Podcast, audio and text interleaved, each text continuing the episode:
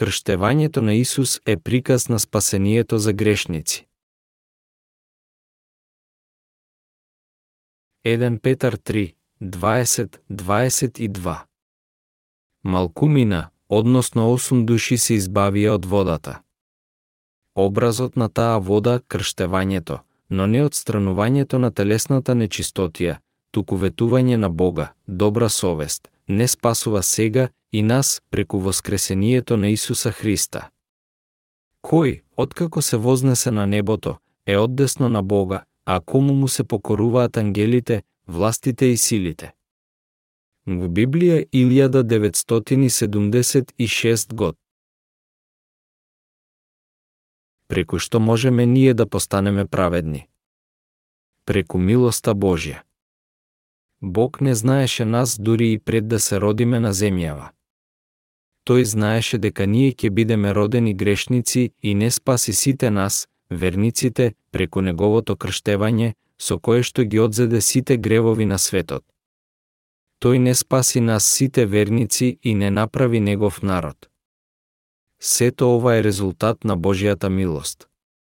И речено е во Псалмите 8, 4, што е човекот за да си спомнуваш за него. Мг Библија 1990 год. Искупените кои што се спасени од сите гревови се добиватели на неговата специјална љубов. Тие се негови чеда. Што бевме ние, кои верувавме само во неговата крв и духот, пред да постанеме Божии чеда, пред да постанеме праведни и бевме спасени и пред да ни беше одобрено правото да го викаме Него Отец. Ние бевме грешници, едноставно грешници кои беа родени да живеат на светов околу 70 години или ако здрави до 80 години. Пред да ние бевме измиени од нашите гревови и пред да ја примивме верата на Евангелието на крштевањето Исусово и Неговата крв, ние бевме неправедни луѓе кои беа да загинат. Апостолот Павле рече дека беше присвојувањето на неговата милост, дека беше она што беше. Исто така, ние сега сме тоа што сме апсолутно поради неговата милост. Ние му благодариме него за неговата милост. Создадителот дојде долу на земјава и не спаси, правејки не негови чеда, негов народ. Ние му благодариме за милоста на спасението на водата и духот, која е причината зошто тој ни дозволи нас да бидеме негови чеда, оние праведните. Дали е тоа заради тоа што ние сме убави на изглед? Или е заради тоа што сме толку вредни? Или пак е заради тоа што сме толку добри? Ајде да размислиме за ова и да оддадеме благодарност на она поради кое што е така. Причината зошто Бог не создаде нас е за да не направи негов народ и да ни дозволи да живееме со него во Царството Небесно. Бог не направи нас негов народ за ни дозволи да ние вечно живееме со него. Тоа е единствената причина зошто Бог не благослови нас со вечен живот. Тој не не направи нас негов народ затоа што ние подобро сме изгледале, или сме повредни, или пак почесно сме живееле од другите негови созданија единствената причина е дека тој нас не љуби. Образот на таа вода, крштевањето, не спасува сега и нас. 1 Петар 3, 21 Библија 1976 год. Само неколку мина, односно 8 души, се спасија преку водата. 1 Петар 3, 20 Библија 1990 год. Малку, еден од град и двајца од фамилија беа спасени. Тогаш дали сме подобри од другите? Нити најмалку. Ние не сме сите толку специјални, но и покрај тоа ние сме спасени преку нашата вера во водата и духот. Чуда над чудата е да ние сме спасени, и тоа е безусловен дар и благослов Божи да ние можеме да го викаме Него наш Татко, наш Господ ние никогаш не можеме да го одречеме ова.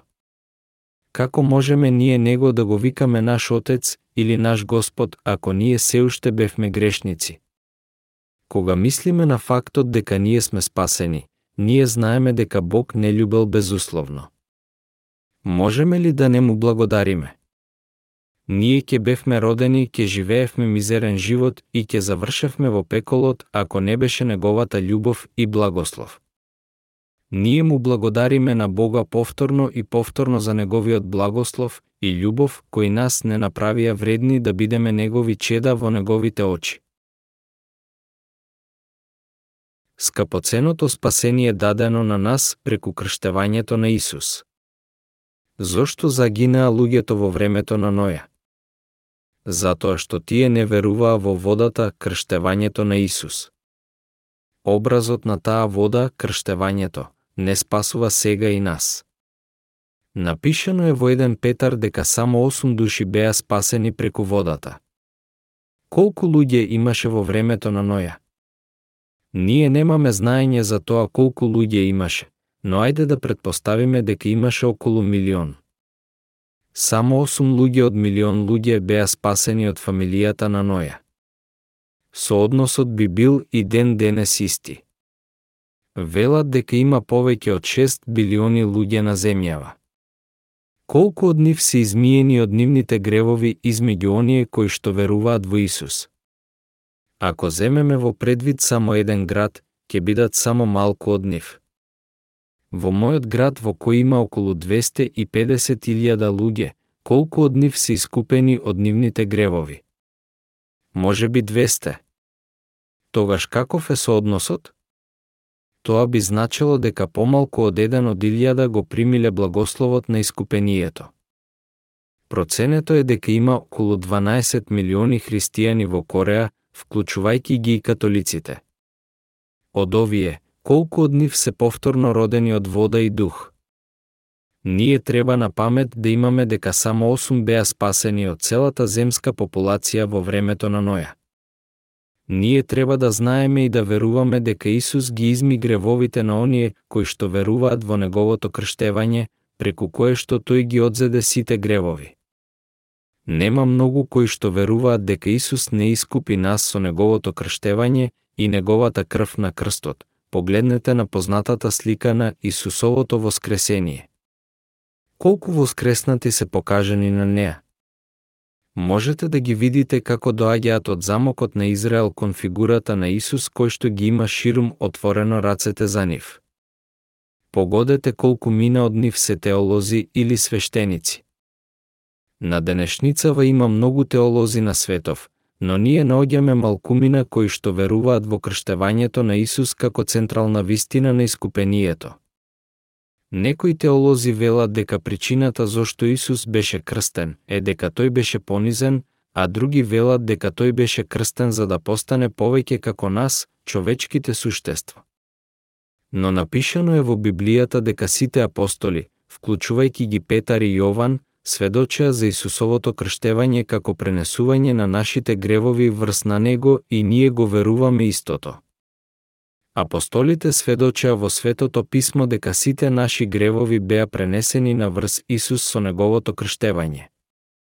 Тоа е толку зачудувачко сведоштво за милоста Божја, да ние можеме да бидеме избавени само преку верата во тоа.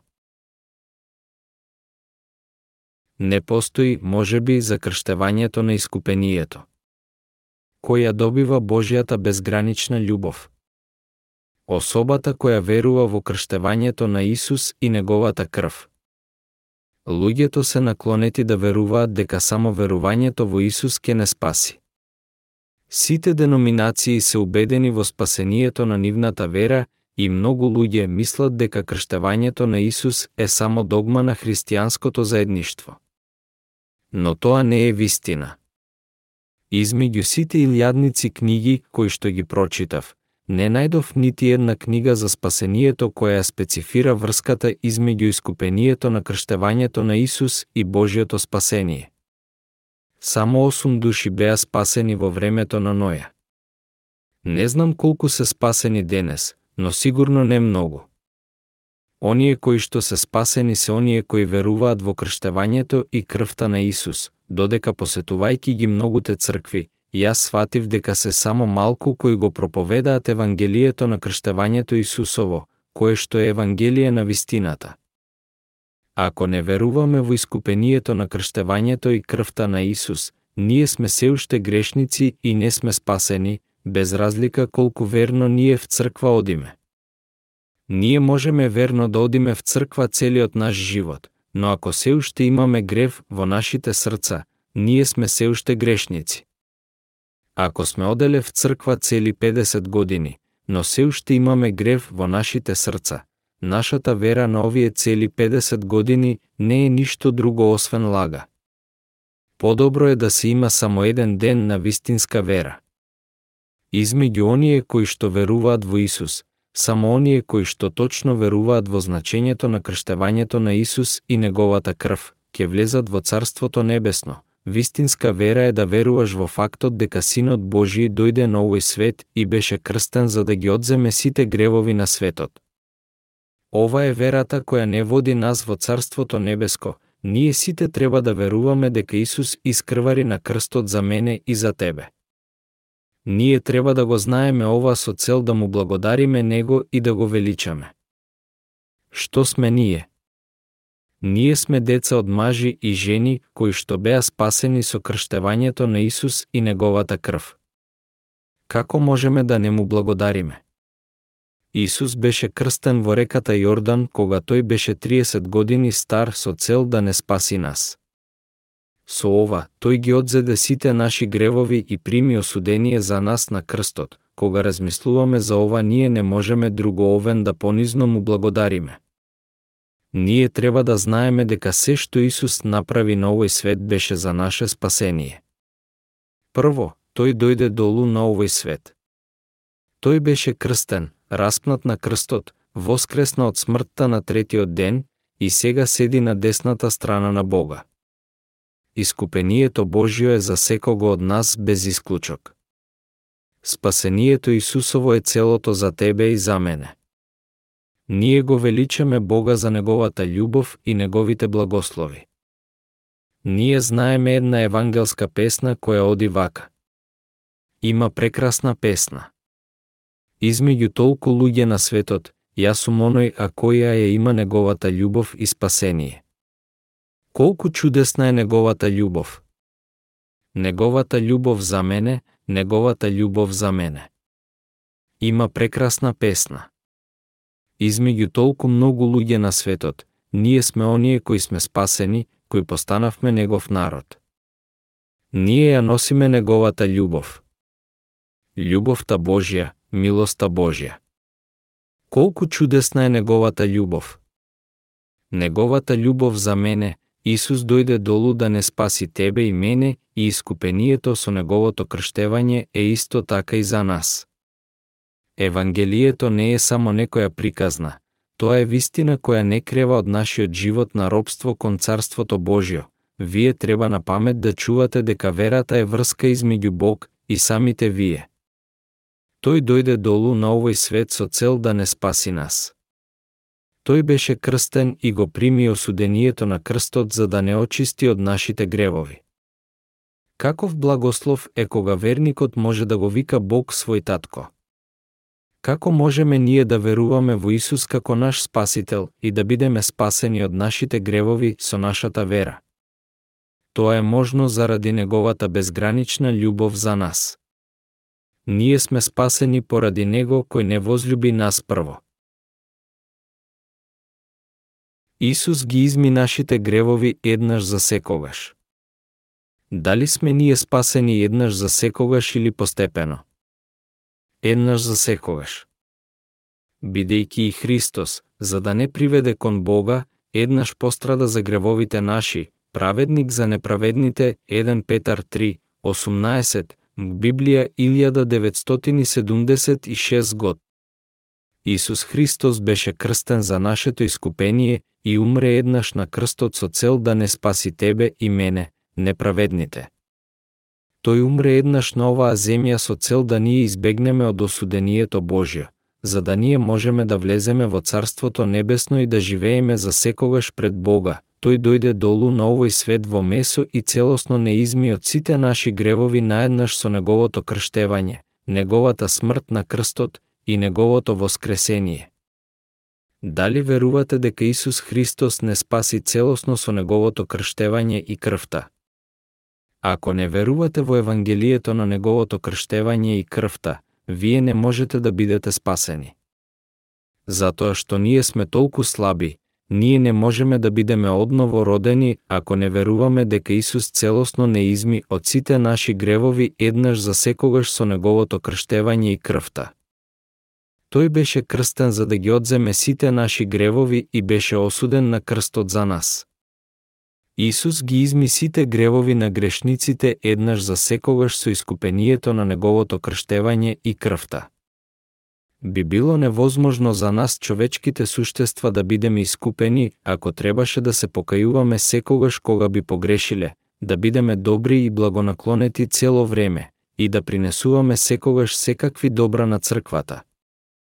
Заради тоа, верата во крштевањето на Исус и крвта на крстот е потребност за наше спасение. Ние мора да веруваме во водата и крвта. Едноставното извршување на добри дела нема никаква врска со опроштението на нашите гревови. Не би направило никакво добро за нашето спасение ако купувавме скапи костими за сиромашните или ако им служиме пресладка храна на свештениците. Исус ги спасува само оние кои што веруваат во неговото крштевање и крвта. Ако веруваме дека Бог не спаси преку Исус со неговото крштевање и неговата крв еднаш за секогаш, ние ќе бидеме спасени. Некои можат да мислат дека иако Бог вака рече во Библијата, тие треба да размислат подлабоко. Тоа е нивно, но ние треба да веруваме во Неговото Слово како што е напишано. Во Евреите 10, 1, 10 напишано е дека Тој не спаси сите нас наеднаш.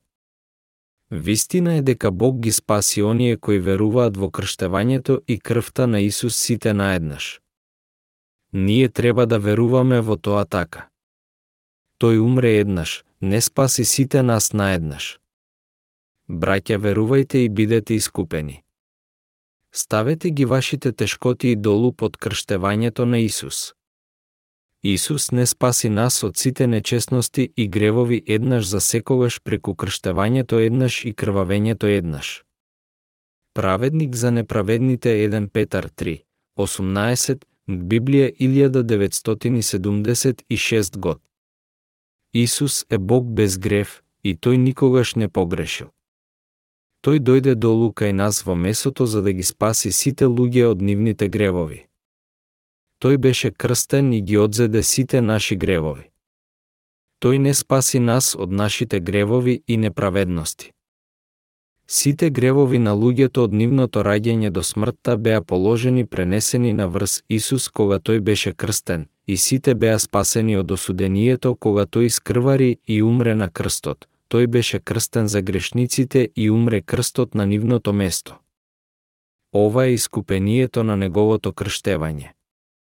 Исус не спаси сите нас, кои бевме грешници, еднаш за секогаш. Колку е слаб секој еден од нас. Исус ги искупи сите наши гревови од нашето раѓање до смртта и се жртвува себе си за осудението на крстот. Ние кои веруваме во Исус треба да веруваме дека Тој не спаси нас еднаш за секогаш со Неговото крштевање и крв. Ние сме слаби, но Исус не е слаб. Ние сме неверни, но Исус е верен. Бог не спаси еднаш за секогаш. Зошто Бог толку го возлюби светот, тој го даде својот единороден син, та секој кој верува во него, да не погине, но да има вечен живот. Јован 3, 16, в Библија 1976 год. Бог ни го даде нас неговиот единороден син, тој даде неговиот син да биде крстен со цел да ги пренесе сите гревови на светот врз него, за да тој може да прими осудение за сите човечки суштества. Какво чудесно спасение е ова! Колку чудесна љубов е ова! Ние му благодариме на Бога за неговата љубов и спасение. Бог ги спасува оние кои веруваат во водата и крвта на Исус, крштевањето и крвопролевањето на Исус и фактот дека Исус е Син Божи, оние кои што веруваат во Исус можат да бидат спасени верувајќи во вистината на крштевањето и крвта на Исус и имаат вечен живот како праведни. ние сите треба да веруваме. Кој не спаси? Беше Бог кој не спаси или едно од неговите созданија не спаси. Тоа беше Исус, кој е Бог, кој не спаси нас. Ние сме спасени затоа што ние верувавме во искупението Божјо, и ова е спасението на искупението. Исус е Господ на спасението. Кое е значењето на Христос? Свештеникот, царот и пророкот. Исус Христос е Бог, Исус значи Спасителот и Христос значи оној кој е помазан. Како што Самуил го помаза Саул во Стариот Тестамент, царевите беа помазувани, свештениците беа помазувани и пророците за да можат да извршуваат нивната служба, мораа да бидат помазани. Исус Христос дојде на овој свет и беше помазан за три служби. Таа на свештеник, на цар и пророк. Како небесен свештеник, тој беше крстен за да ги одземе гревовите на сите човечки суштества. Послушувајќи ја волјата на неговиот отец, тој се представи себе си како грев жртва пред отецот, јас сум патот, вистината и животот. Никој не доаѓа при отецот освен преку мене. Исус ги спаси оние од нас кои веруваме во Него во одземањето на сите наши гревови преку Неговото крштевање и преку што беше распнат. Животот на телото е во крвта, Левит 17, 11, Библија 1999 год. Исус искрвари на крстот после Неговото крштевање, така жртвувајќи го својот живот пред Бога како платата за нашите гревови, за да ние верниците бидеме спасени. Тој беше воскреснат на третиот ден после неговата смрт на крстот и им го проповедаше Евангелието на духовите кои беа затворени во затвор. Оние кои што се уште не се искупени се како духовни заробеници во затвор на грев, и нив, Исус им го проповеда Евангелието на водата и крвта. Бог ни го даде нас Евангелието на водата и духот за да не спаси. Секој еден кој верува во тоа може да биде поново роден. Крштевањето и крвта на Исус спасуваат грешници. Како можеме ние да имаме добра совест кон Бога? Преку имањето вера во крштевањето и крвта на Исус. Исус Христос е наш Спасител и за тоа е сведочено во 1 Петар 3, 21, образот на таа вода, крштевањето, но не одстранувањето на телесната нечистотија, туку ветување на Бога, добра совест, не спасува сега и нас. Во Библија 1976 год. Водата на крштевањето на Исус е морална за спасението на грешници. Исус ги изми гревовите на сите грешници преку земањето на тие гревови врз себе си со неговото крштевање. Дали верувате во крштевањето на Исус? Дали верувате дека нашите срца се измиени чисто од сите наши гревови преку неговото крштевање? Нашите срца се измиени чисти од сите наши гревови, но нашето месо се уште греши. Да се биде поново роден, не значи дека човек нема повеќе да греши. Ние, поново родените, исто извршуваме гревови, но нашите срца остануваат чисти од грев заради нашата вера во неговото крштевање. Така, во погорниот стих стои, но не одстранувањето на телесната нечистотија, туку ветување на Бога, добра совест, 1 Петар 3, 21, Библија 1976, односно кое не е одстранување на телесната нечистотија, туку е покажување на добра совест спрема Бог. 1 Петар 3, 21, в Библија 1990 год. Откако Исус ги изми нашите гревови и откако Бог го прифати осудението за мене, како можам јас да не верувам во Него? Знаејќи дека Исус, кој е Бог, ме спаси преку Неговото крштевање и крвта, како можам да не верувам во Него? Ние сме спасени пред Бога и сега нашата совест е чиста. Ние не можеме подолго да велиме пред Бога дека Исус не не изми целосно од нашите гревови, исто како и што не можеме да речеме дека Бог не не љуби. Нашата совест станува многу почувствителна на грев после поново раѓањето и ни кажува нас кога и да направиме нешто погрешно. Ако вашата совест е само малку загрижена, тогаш ние не можеме целосно да бидеме слободни од грев, освен ако се подсетиме себе си на силата на Исусовото крштевање. Тоа е единствениот начин според кој би можеле да имаме добра совест. Кога нашата совест ни здодева нас, тоа значи дека нешто не е во ред. Водата на Исусовото крштевање ја измива секоја нечистотија на грев. Исус ги одзеде сите наши гревови со неговото крштевање и не изми чисто, дури и до нашата совест. Кога ние на вистина веруваме во ова, нашата совест може на вистина да биде измиена. Како може нашата совест да биде измиена? Преку верувањето во крштевањето и крвта на Исус, секој еден има зла и нечиста совест од раѓање, но ако веруваме дека сите наши гревови беа положени на врз Исус, ние можеме да ја избришеме и таа дамка. Ова е верата на поново, родениот. Тоа не е автохипноза, нешто што свесно го повторувате. Дали е вашата совест чиста?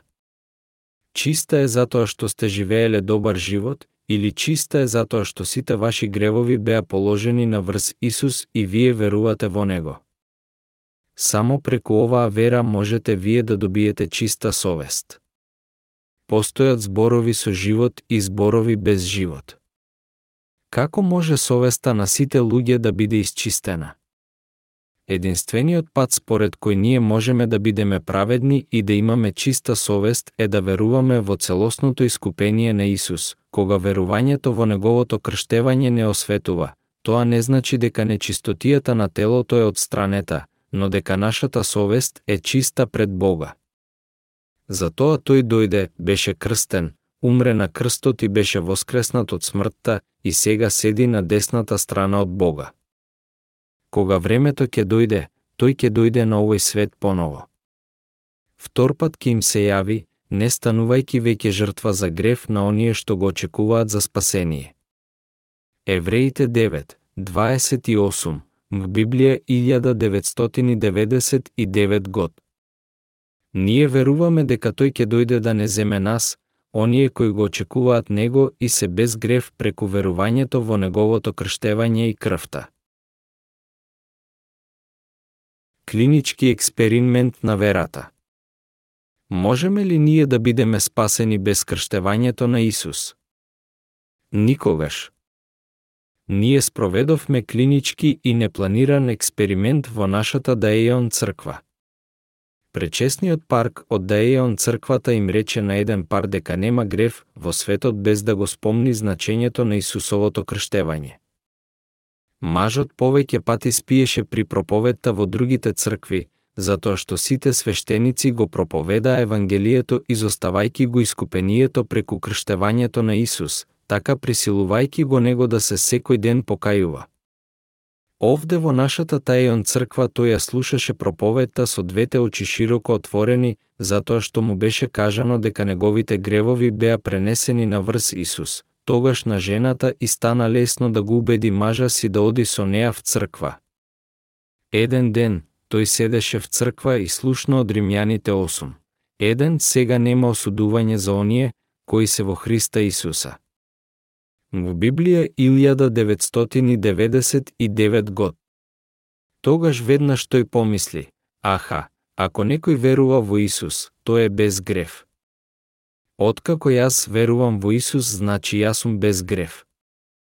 Така тој му се јави на неговиот шура и на многу други другари и пријатели еден по еден и им рече, дали имате грев во срцата ваши?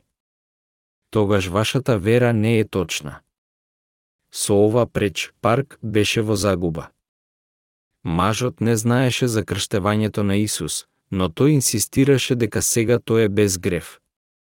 Тогаш парот почна да има проблеми.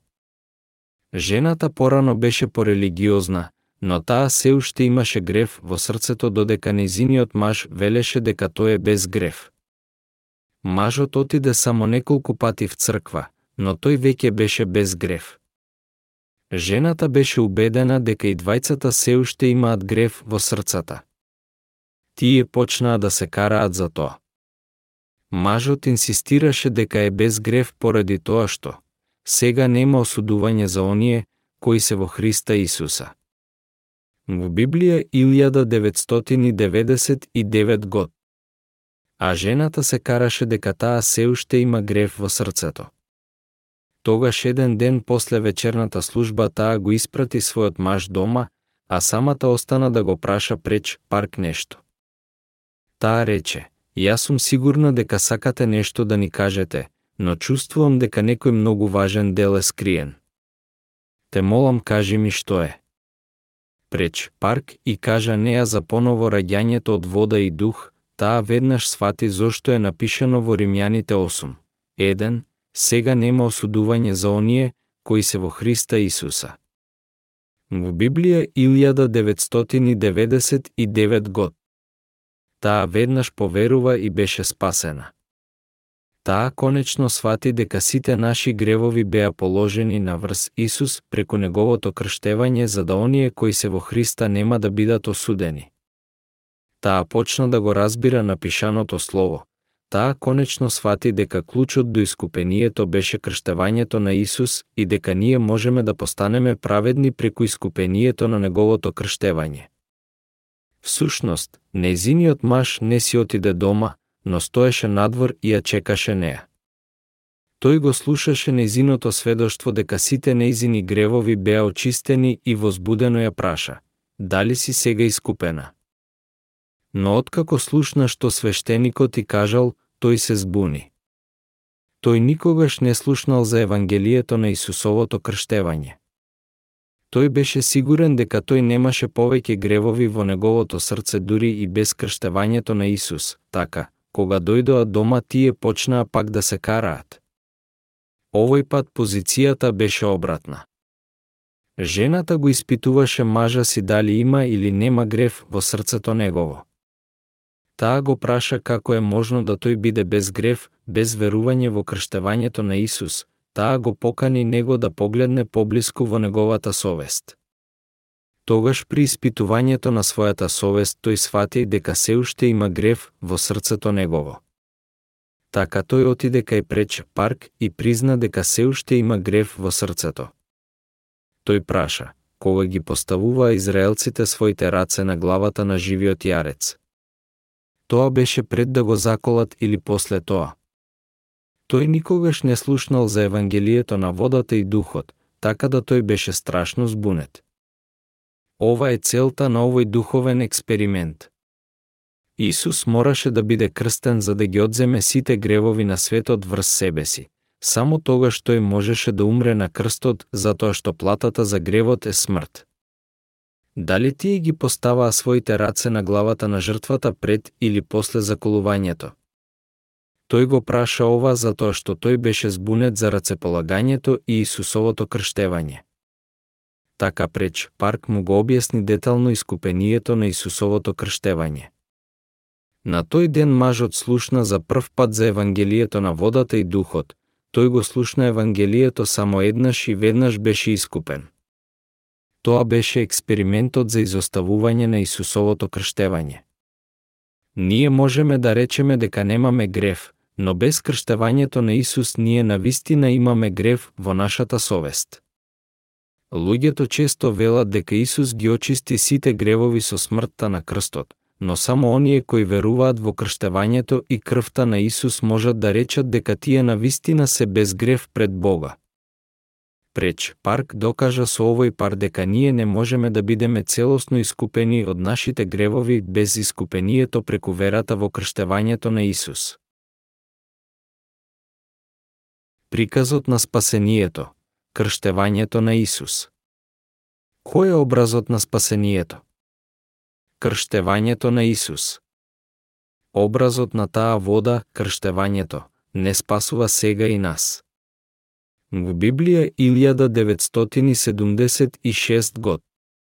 Исус дојде долу на овој свет за да ги измие нашите гревови и да ја направи нашата совест бела како снег.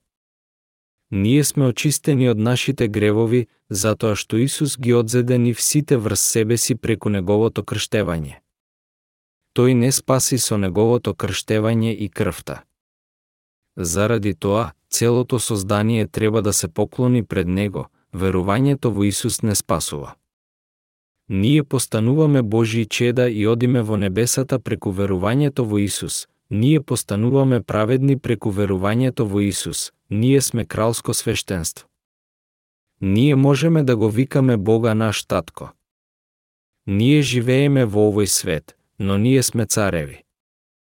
Дали вие навистина верувате дека Бог ги спасува оние од нас кои веруваат во искупението на водата и духот? Нашето спасение не може никогаш да биде целосно без крштевањето на Исус. Верата која Бог и Исус ја признаваат за вистинска е верата во Евангелието на Неговото крштевање, Неговиот крст и Духот, која што не спаси целосно. Ова е единствената вистинска вера. Нашите гревови беа измиени кога Исус ги одзеде нив со неговото крштевање и сите наши гревови беа исплатени кога тој искрвари на крстот. Христос Исус не спаси нас со водата и духот, да. Ние веруваме.